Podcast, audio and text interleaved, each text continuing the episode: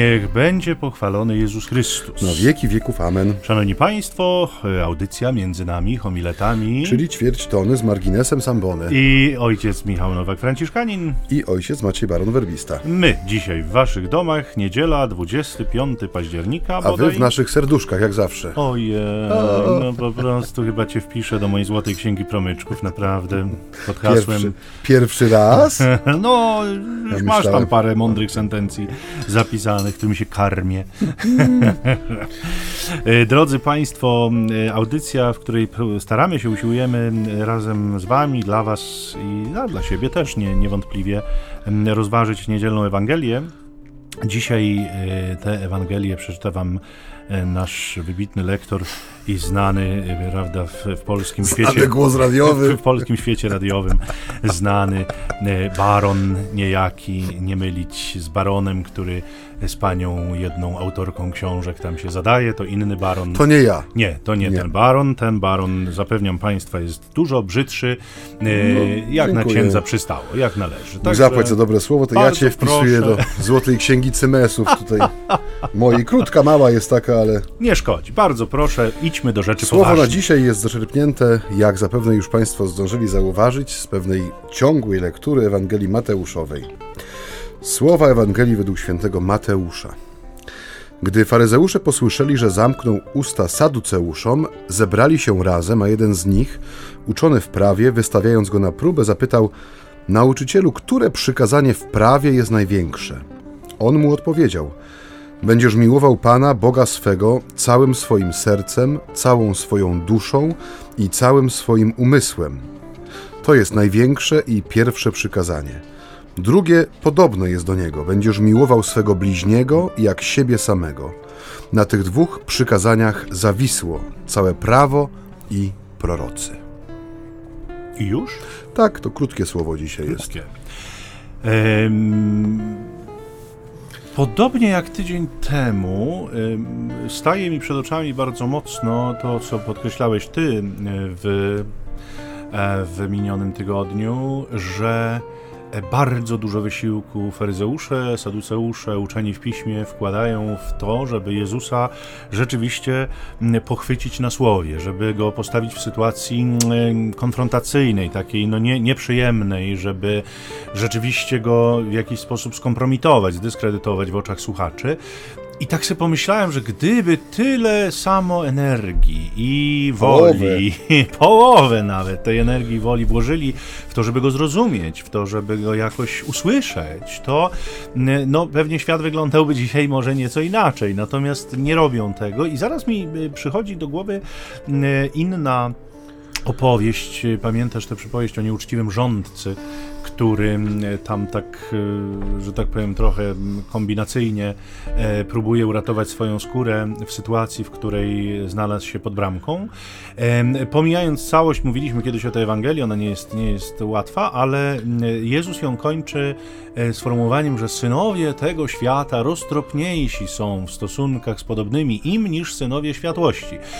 Innymi słowy, moglibyśmy powiedzieć, więcej wysiłku wkładają w sprawy ziemskie i w to, żeby jakoś tutaj żyć, urządzić się i całkiem nieźle na tym wyjść, niż słudzy królestwa wkładają w to, żeby rzeczywiście tymi sługami królestwa być, doskonałymi i, y, i jak najlepszymi.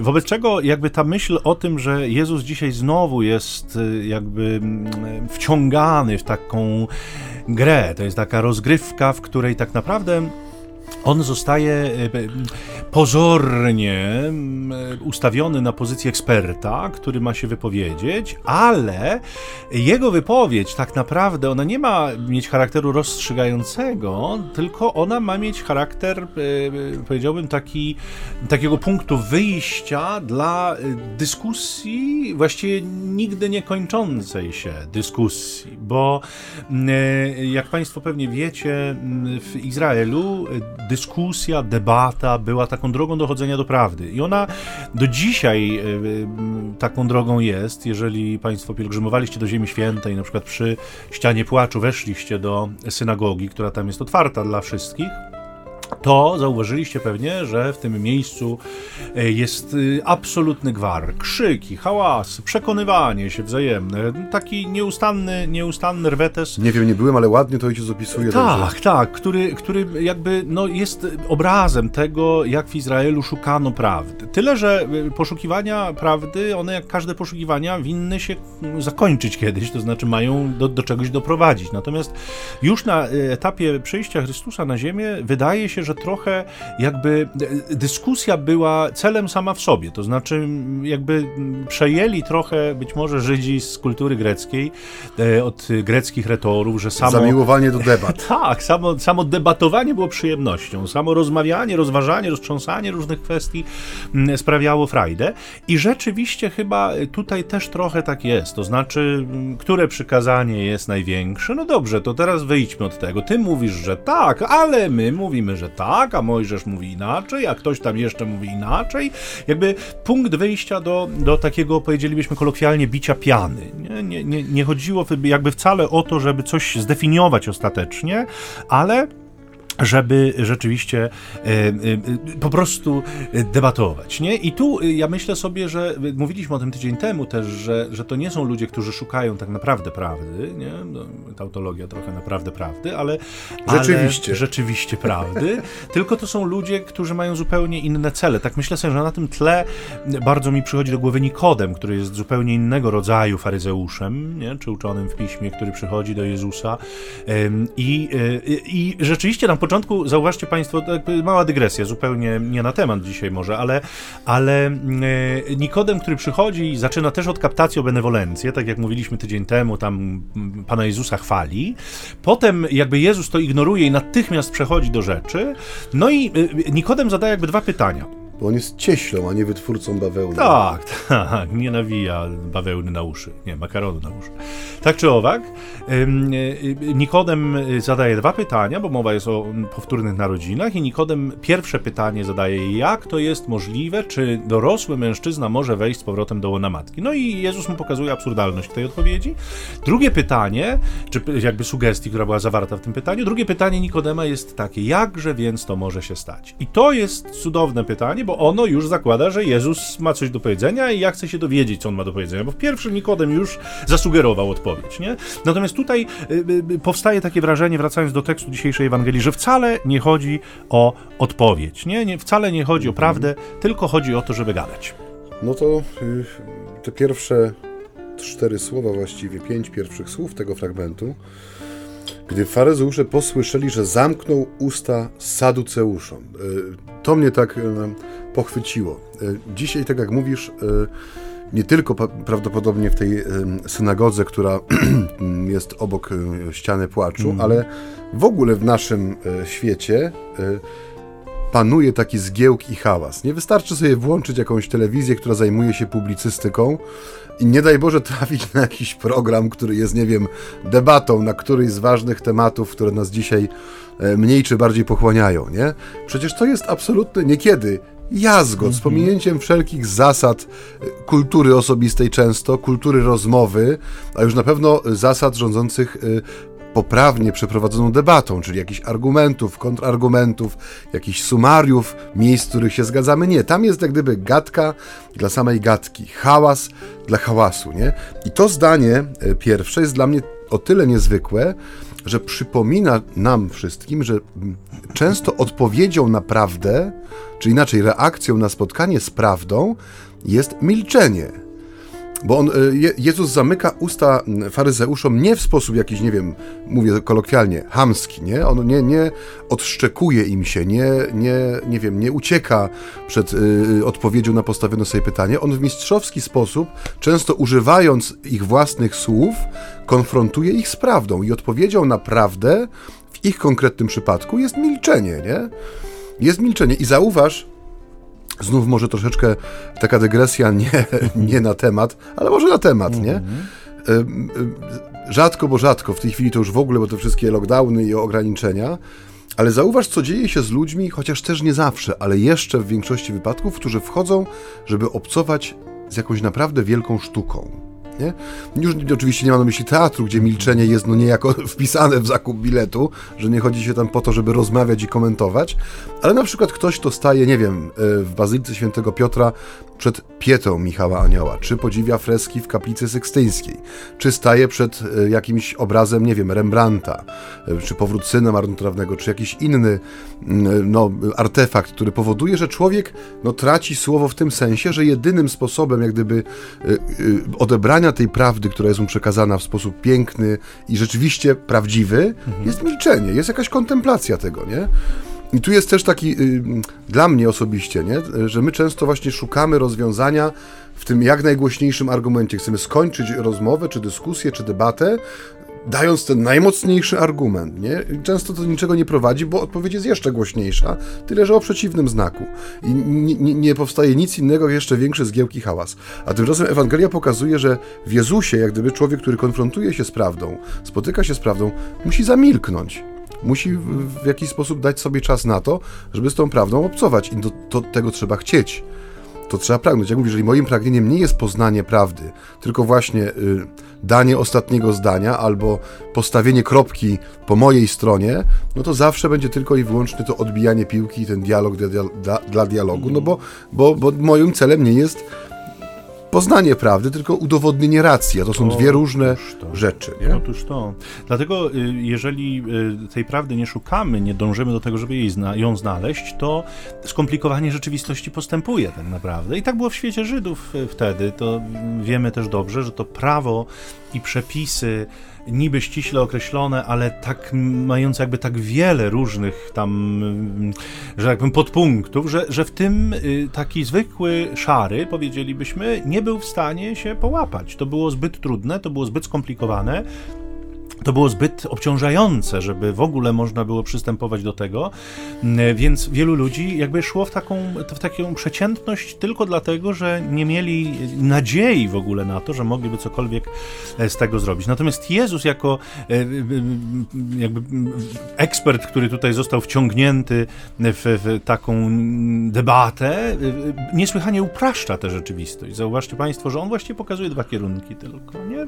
Pokazuje perspektywę miłości wobec Boga i wobec bliźniego. Nie? I y, to nie jest przypadkowa kolejność, oczywiście, dlatego że, żeby móc zrozumieć, czym jest miłość do bliźniego, trzeba móc najpierw, trzeba najpierw zrozumieć miłość do Boga, czym ona mm, jest. I y, y, co więcej, ta miłość wobec Boga, według Jezusa, powinna obejmować całego człowieka. Nie? Całe serce, cały umysł, cała wola, wszystko, czyli żadna ze sfer ludzkiego życia życia nie może być wyłączona z tej miłości. I to jest niesłychanie ważne, żebyśmy sobie zdali sprawę z tego podstawowego błędu, który jest obecny w świecie, który ogranicza miłość li tylko do uczucia, bo to absolutnie wiele z uczuciem nie ma, co Jezus nam dzisiaj proponuje i mówi.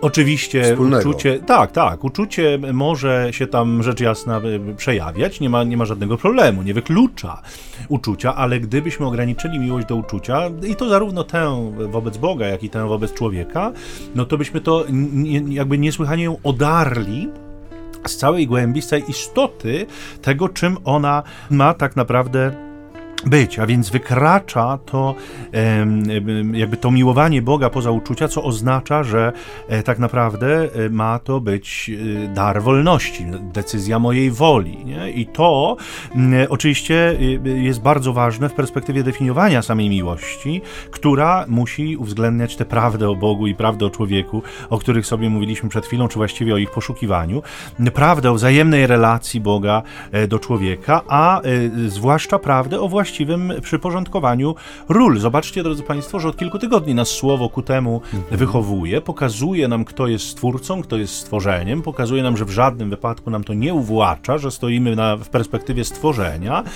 dlatego właśnie, że obcujemy z Bogiem nie jakimś Bogiem deistów, który ruszył ten świat, a potem się tym nie interesował już za bardzo, ale z Bogiem miłości, Bogiem, który sam siebie definiuje przez miłość, który siebie pokazuje jako źródło miłości. Nie? Wobec wobec czego tak naprawdę to właściwe podporządkowanie czy przyporządkowanie ról warunkuje no i przenika wszystko w tym świecie. Od niego tak naprawdę wszystko zależy i jeśli tu nastąpi błąd, jeśli tu nastąpi przeskok, no to absolutnie wali nam się wszystko i żyjemy jakąś karykaturą, żyjemy jakimś takim mhm. nie, podróbą życia.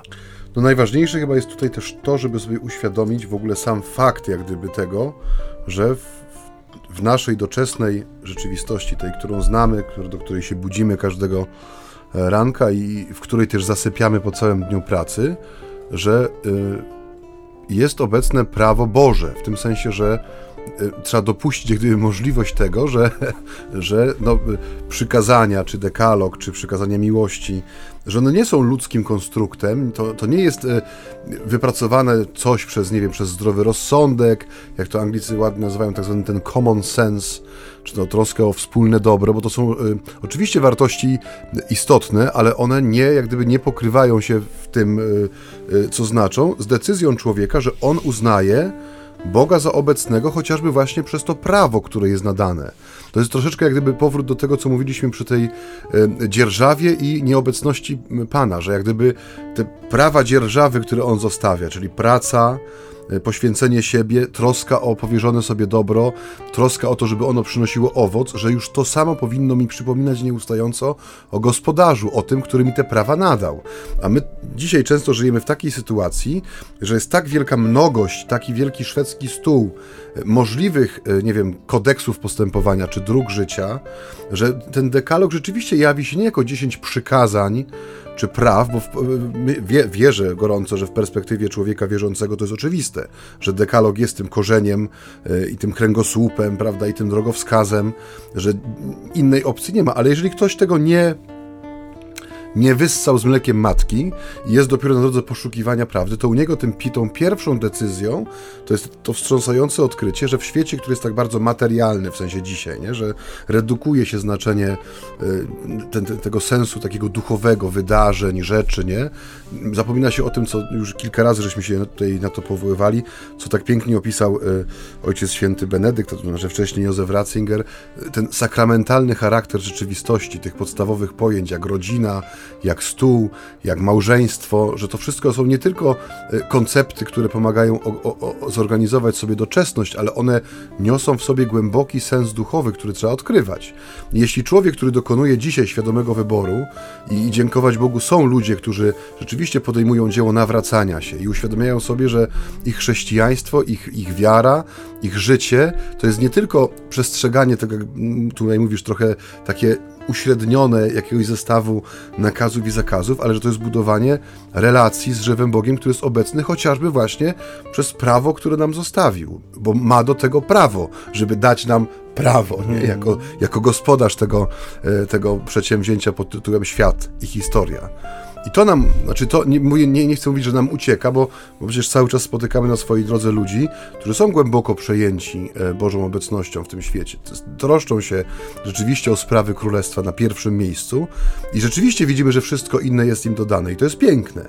Ale wydaje mi się, że trzeba głośniej przypominać i mówić o tym, że gdy musimy dokonywać ciągle tego odkrycia, że w tym świecie, że on nie jest płaski, on nie jest jednowymiarowy, nie? Że, jest, że to prawo, te, to pytanie o te dwa największe przykazania, że ono właśnie powinno zdać ten głód, pragnienie odkrycia tego, że jest w nim obecny Bóg, nie? I że śladem Jego obecności, czy dowodem Jego obecności jest chociażby to prawo, które nam zostawia. Nie dlatego, że miał być to, to y, kodeks Hammurabiego, prawda, który ma tam y, regulować wzajemne utarczki i potyczki, ale to jest prawo miłości, nie? która wskazuje ostatecznie na tę pierwszą miłość, ale też pokazuje nam, że każda miłość, tak jak tu ojciec Michał słusznie zauważył, która jest nie tylko uczuciem, jest takim bezpośrednim wskazywaniem na, na tą pierwszą miłość, na samego Boga, nie? że powinna przynajmniej czymś takim być. Myślę, że problemem jest ta mnogość, o której powiedziałeś przed chwilą i no, ten postmodernistyczny rys naszej dzisiejszej rzeczywistości, który mówi o narracjach, o tym, że nie ma jednej prawdy, każdy ma swoją mhm. narrację i one są wszystkie równoważne, wszystkie są równie dobre, wszystkie są równie prawdziwe. Mm, wobec czego y, y, no, dziś kwestionuje się nawet aksjomaty, nie? czyli te najbardziej podstawowe prawdy, których się nie dowodzi, które po prostu były oczywiste zawsze i wszędzie dla wszystkich. Dzisiaj nawet po, po, po nich stawia się znak zapytania i wiesz, ja podróż, a, a dlaczego tak ma być? Nie? Gdyby się Państwo zastanawiali, czym jest aksjomat, to można sobie teraz sięgnąć do e, słownika wyrazów obcych, a nam tutaj sygnalizują, że jest pora na mały przerywnik słowno-muzyczny.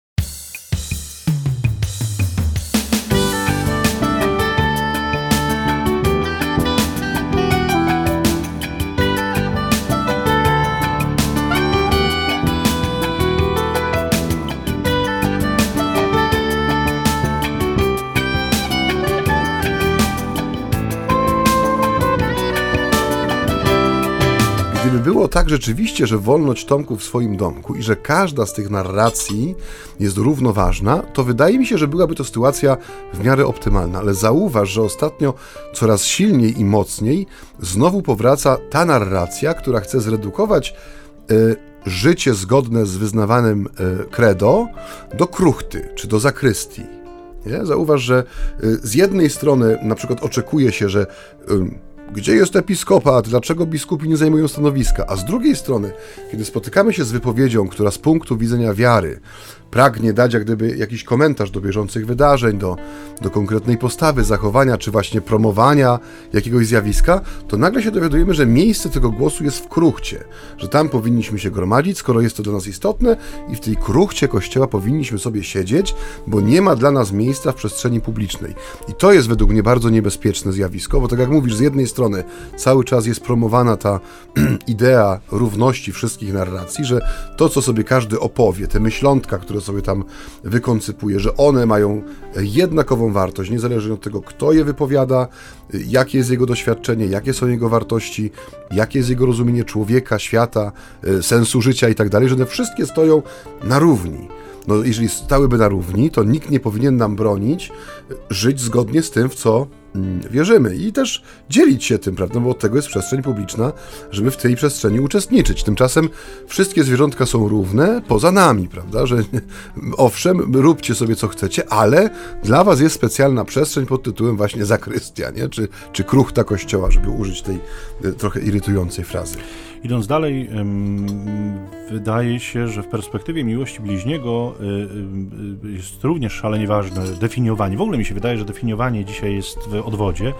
Mm, to znaczy są różne opisy rzeczywistości, ale definicja... Mało definicji No definicja z zasady ma mm, jakby pokazywać prawdę o przedmiocie, czy o, o y, rzeczywistości definiowanej. Mm, wobec czego, kiedy mówimy sobie o miłości, to należy ją jakoś zdefiniować, natomiast kiedy mówimy o bliźnim, to ten również winien być jakoś zdefiniowany. Zdefiniował nam go Jezus bardzo ładnie w przypowieści o Samarytaninie, więc tu nie ma żadnej wątpliwości, że każdy ma być moim bliźnim, czy jest moim bliźnim, co od razu nas ustawia również w perspektywie miłości, bo doskonale wiemy, że miłości emocjonalnej, uczuciowej nie jesteśmy w stanie okazywać wszystkim, bo to jest absolutnie niemożliwe. Więc wyraźnie jest mowa o tym, że miłość zakłada wolę, zakłada decyzję, zakłada poszukiwanie prawdziwego dobra. I znowu stajemy wobec pytania, czym to prawdziwe dobro dla człowieka jest. Bo jeżeli tego nie zdefiniujemy, no to znowu będziemy mieli różne propozycje, różne pomysły, e, które e, ostatecznie mogą okazać się bardzo niepełne, mogą się okazać takie redukcyjne, po prostu niewystarczające, zbyt małe.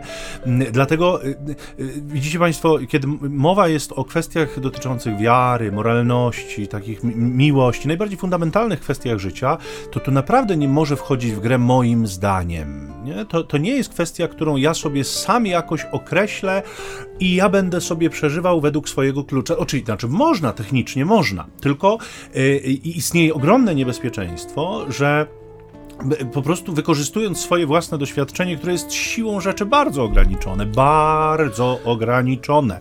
Choćby nie wiem, ile tam człowiek przeżył w życiu, no to ma do dyspozycji swoje tam ileś dziesiąt lat i ty, trochę tych ludzi, których w życiu spotkał, trochę doświadczeń, które zgromadził, opierając się i, i coś tam, co przemyślał i opierając się tylko i wyłącznie na tym, naprawdę y, y, no, mamy mikrofragment rzeczywistości, który bierzemy pod uwagę i na podstawie tego my decydujemy się orzekać o rzeczach najważniejszych. Nie?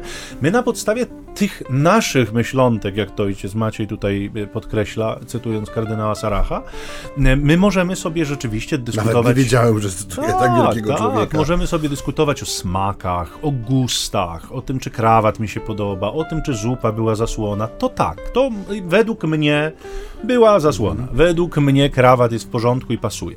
Ale o rzeczach tak e, jakby fundamentalnych i podstawowych, dotyczących ludzkiego życia i kształtujących ludzkie życie tak naprawdę i potrafiących to życie tak doskonale zdemolować, jeżeli są niewłaściwie, błędnie definiowane, no nie, nie wolno nam mówić w taki sposób, nie? dlatego że możemy mieć na sumieniu naprawdę cudze życie też, nie? w jakiejś mhm. mierze.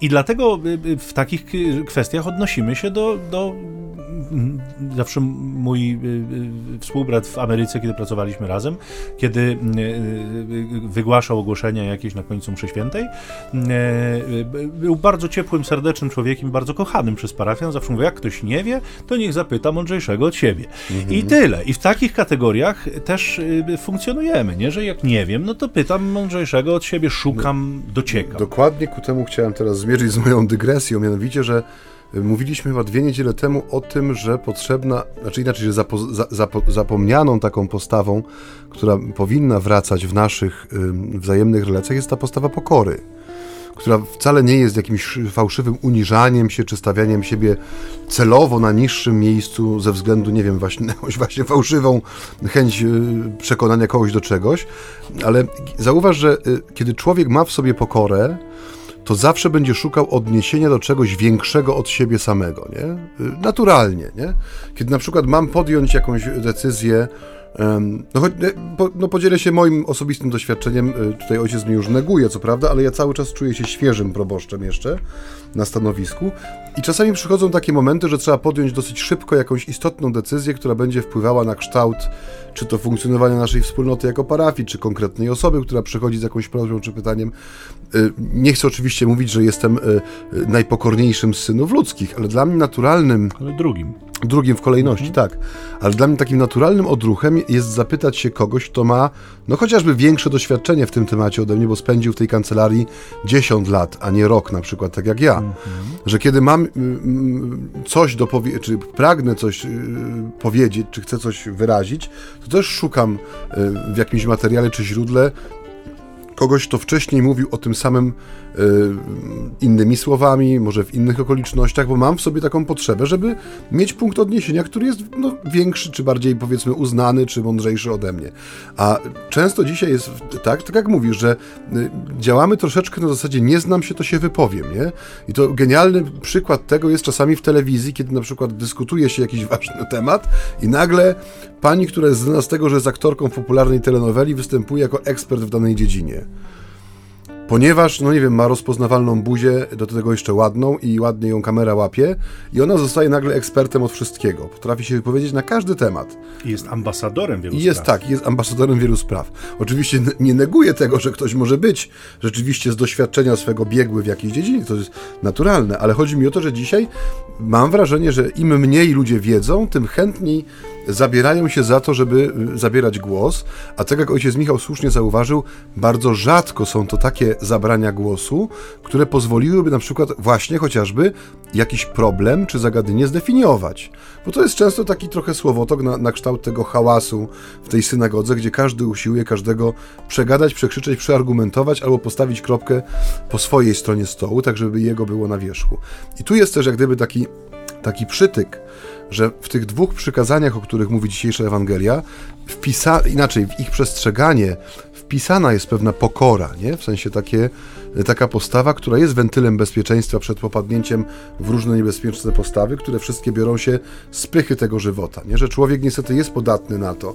Jeśli nie ma, dlatego chyba też ten nowy przykład bardzo fajnie to oddaje, że na tych dwóch przykazaniach zawisło, jak na zawiasie, czyli jak gdyby umożliwia ruch tej całej rzeczywistości e, Bożej i ludzkiej. Nie? Te dwa przykazania umożliwiają jak gdyby e, no, istnienie tego wszystkiego, co jest dla nas istotne i ważne. Gdyby je wy, wyciąć, usunąć, to pozostałych osiem przykazań dekalogu jest właściwie nie do spełnienia. Nie? Albo inaczej, staną się karykaturą przykazań, a staną się namiastką właśnie jakiegoś e, takiego, no, przepraszam za przymiotnik, tępego kodeksu, nie? wyrytego w kamieniu, który trzeba bezwzględnie przestrzegać. Wszystko, co możliwe, jest dobre.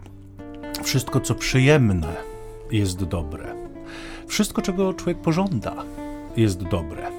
To są zasady dzisiejszego świata, y, które tak naprawdę mm, y, no, sprawiają, że, że nasza miłość staje się karykaturą coraz częściej, nie? bo rzeczywiście pragnienie prawdziwego dobra, jeżeli nie określi się, nie zdefiniuje się tego, czym jest to prawdziwe dobro człowieka, no, ogranicza, czy jeszcze raz powiem, redukuje miłość do tego, co, co jeśli, jeśli w ogóle do jakiegokolwiek daru, to tylko do takiego, który mnie za bardzo nie kosztuje. Natomiast musimy e, powiedzieć wprost, że Bóg, który przychodzi w Jezusie Chrystusie, objawia nam tę część prawdy o miłości, która jest dzisiaj absolutnie nie podkreślana w świecie, wręcz przeciwnie, który się zaprzecza zdecydowanie, mianowicie i ofiarniczy charakter. Nie? Jeżeli miłość, jeżeli chrześcijanin mówi miłość, to natychmiast powinno mu się włączać również e, do definicji kwestia ofiary, kwestia tego, że to mnie kosztuje, kwestia tego, że to ode mnie wymaga, kwestia tego, że to nie jest proste, że to nie jest łatwe.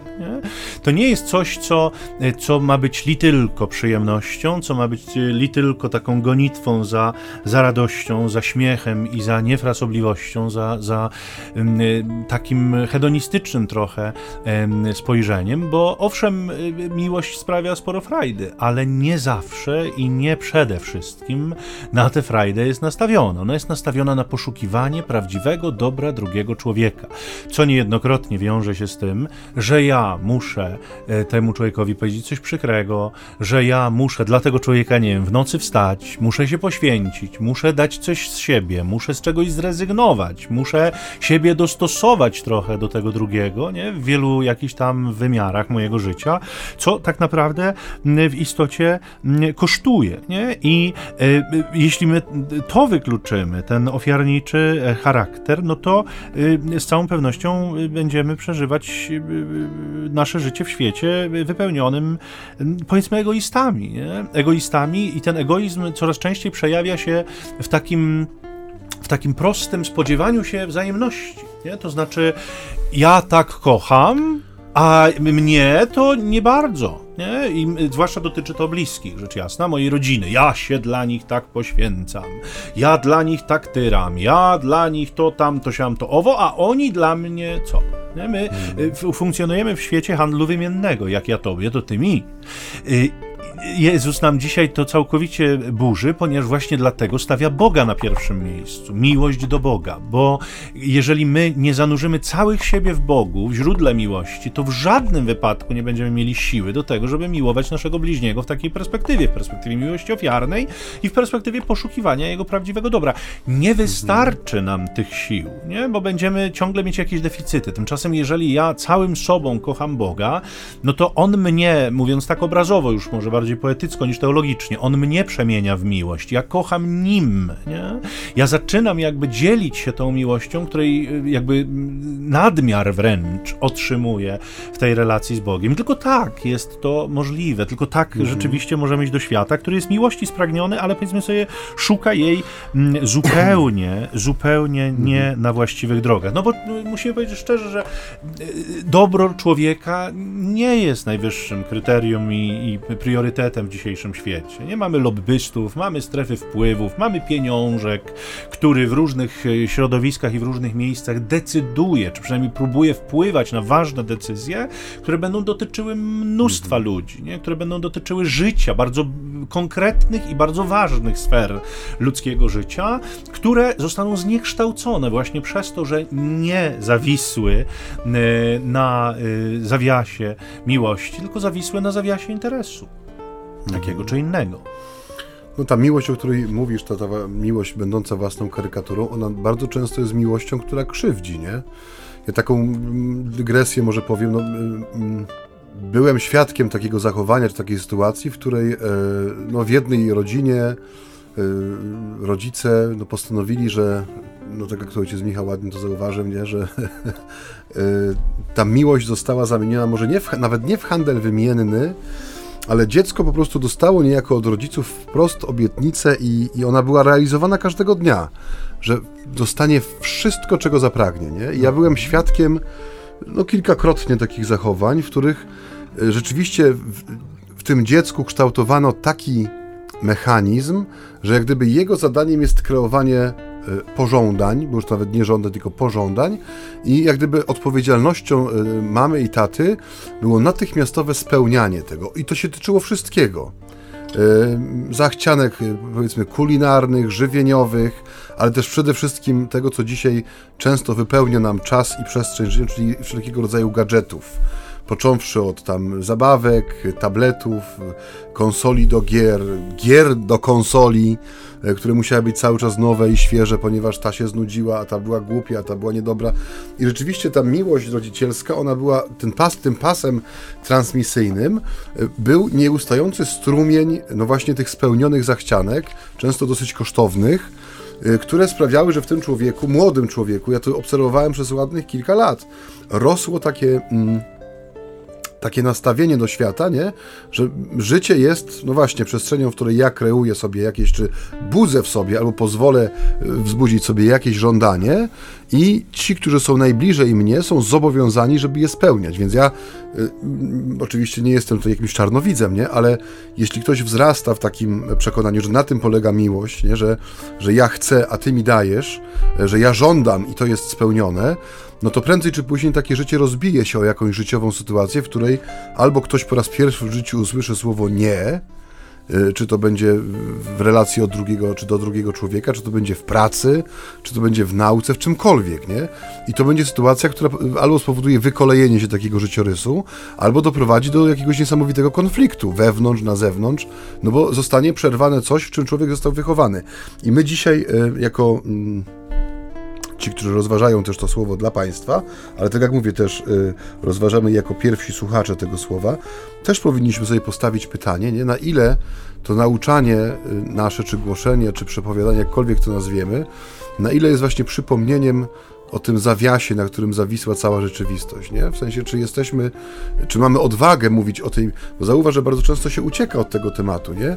Kochać Pana Boga, miłować Pana Boga, to są takie słowa, które albo padają właśnie w czasie lektury Słowa Bożego, ale kiedy przychodzi jak gdyby ubrać te słowa w, w ten język codzienności, którym staramy się komunikować te ważne prawdy, to no jest pokusa, żeby go albo właśnie gdzieś zmargi zmarginalizować, albo mówić o rzeczach praktycznych, codziennych, ale w sensie takim bardzo bardzo jednowymiarowym, nie? że gdzieś no, jest trudność taka, żeby właśnie postawić tego Boga na pierwszym miejscu. Nie? Jeżeli chodzi o, tak jak mówisz, o to zanurzenie całego życia w źródle, no tylko i wyłącznie po to, żeby mówiąc kolokwialnie, przemoknąć tą miłością, nie? żeby ona się rzeczywiście stała czymś, co ja jestem w stanie poczuć w moim życiu. Nie? E, a czuję ją wtedy, kiedy przede wszystkim staram się ją w jakiś sposób naśladować, nie? czy to w relacji, tak jak mówisz, e, która mnie kosztuje. Nie? Nie, nie patrzenia na to, czy ja coś z tego będę miała, czy będę coś z tego miał, tylko po prostu najpierw robić, najpierw działać w duchu tego, w czym jestem niejako zanurzony, a dopiero potem niejako no wiadomo, że takie myśli często przychodzą, bo to też jest ludzkie, nie? że tak jak mówi, że na przykład matka, która ma wydłużoną o 15 cm ręce, ponieważ od 20 lat te siaty nosi, z zakupami, nie? to ma czasami prawo się zapytać, dlaczego ona jest tym sama. Nie, nie w tym sensie, że nie czuje się kochana, tylko takie, to jest taka praktyczna kwestia, nie? Czy, czy ktoś jej nie jest w stanie pomóc na przykład, nie? co nie jest zaprzeczeniem miłości, ale jest postawieniem pytania w, tym, w tej domenie doczesności, w której te małe rzeczy mają wyrażać wielką miłość. Nie? I tu też jest według mnie takie E, trochę, no w tym sensie może nie nasze zaniedbanie, ale też e, może wyzwanie, które stoi przed nami, żeby przypominać sobie cały czas, nie, że ta wielka miłość, której my nie jesteśmy w stanie ani ugryźć, ani ją schować w tych naszych małych kapeluszach, które kryją nasze małe głowy, że ona wyraża się naprawdę w tych drobnych gestach miłości, nie? Mam wrażenie czasem, że mówiąc takie rzeczy, narażamy się na takie mm, zarzuty najdelikatniej y, określane mianem idealnego świata, że chcielibyście trochę takiego idealnego świata, nie? Ale y, y, może, może zarzut zasadny, tylko zobaczcie mm -hmm. Państwo, że gdybyśmy my sami, chrześcijanie, nie? jako chrześcijanie, zaczęli żyć tymi prawdami, nie? tak naprawdę nimi żyć, nie tylko o nich sobie gawędzić, nie, nie tylko em, przyznawać się do tego, że w nie wierzymy, ale również wyrażać je na zewnątrz w, w taki sposób widoczny, nie? To, to być może rzeczywiście ten świat wyglądałby odrobinę inaczej, bo ja mam taką obawę, że my dzisiaj dajemy się zwieść trochę takiemu przekonaniu właśnie o tych narracjach, że wszystko jest tak samo ważne, tak samo dobre, że każdy. E, e, to jest, ja mam takie, takie wrażenie, że podobnie jak ci faryzeusze i uczeni w piśmie, jakby mówimy jedno, a myślimy coś zupełnie innego. Nie? Mówimy, że każdy zasługuje na taki sam szacunek, że ludzie są równi, że to, że tam. I to jest głęboka prawda. Głęboka prawda. Mhm. Natomiast interpretacja tych haseł, haseł sloganowych jest już zupełnie różna. Nie? Jest już zupełnie różna pomiędzy nami. I w perspektywie tej równości, której nikt nie, przy zdrowych zmysłach nie kwestionuje, w perspektywie wartości człowieka, która absolutnie nie jest zależna od jego orientacji seksualnej, na przykład, no bo to jest temat na topie, powiedzmy, od miesięcy w Polsce, wypłynął bardzo intensywnie, więc no, nie, nie sposób go pominąć. Nikt przy zdrowych zmysłach nie kwestionuje tego, że osoba ma swoją wartość przyrodzoną niezależnie od tego, jakie tam popędy w sobie odnajduje i, i e, odczuwa. Nie? Natomiast akceptowanie tego i mówienie, że to jest wszystko w porządku i wszystko jest dokładnie tak samo normalne w cudzysłowie, jak, jak wszystko inne, że to po prostu jest forma przeżywania człowieczeństwa y, na Ziemi i, i trzeba bić brawo, nie tylko akceptować, ale wręcz popierać, promować, y, no jest fałszem, nie? jest zafałszowaniem. My bierzemy udział w takim eksperymencie społecznym, którego konsekwencji nikt nie jest w stanie przewidzieć. Absolutnie absolutnie nikt nie jest w stanie przewidzieć. I teraz powstaje pytanie, nie? Czy, czy nasz Bóg, który, e, który ma bardzo jasne poglądy na rzeczywistość, mm -hmm. rzeczywiście stanąłby i powiedział: Okej, okay, w porządeczku, przecież tak jest dobrze, tak też jest dobrze. Nie? Czy nasz Bóg rzeczywiście wybrałby się na paradę i krzyczał: Love is love, nie? miłość to miłość. Y, y, piękne hasła, głupie, jak nie powiem co, nie? No bo i owszem, miłość to miłość, ale ta miłość, każdy ro, normalny, rozsądny człowiek wie, że ma różne formy wyrazu. inaczej kocham moją matkę, inaczej kocham moją żonę, choćby w perspektywie współżycia, prawda? Ja inaczej kocham pieska i inaczej kocham frytki, które lubię jeść, nie? I mówię czasem, kocham frytki.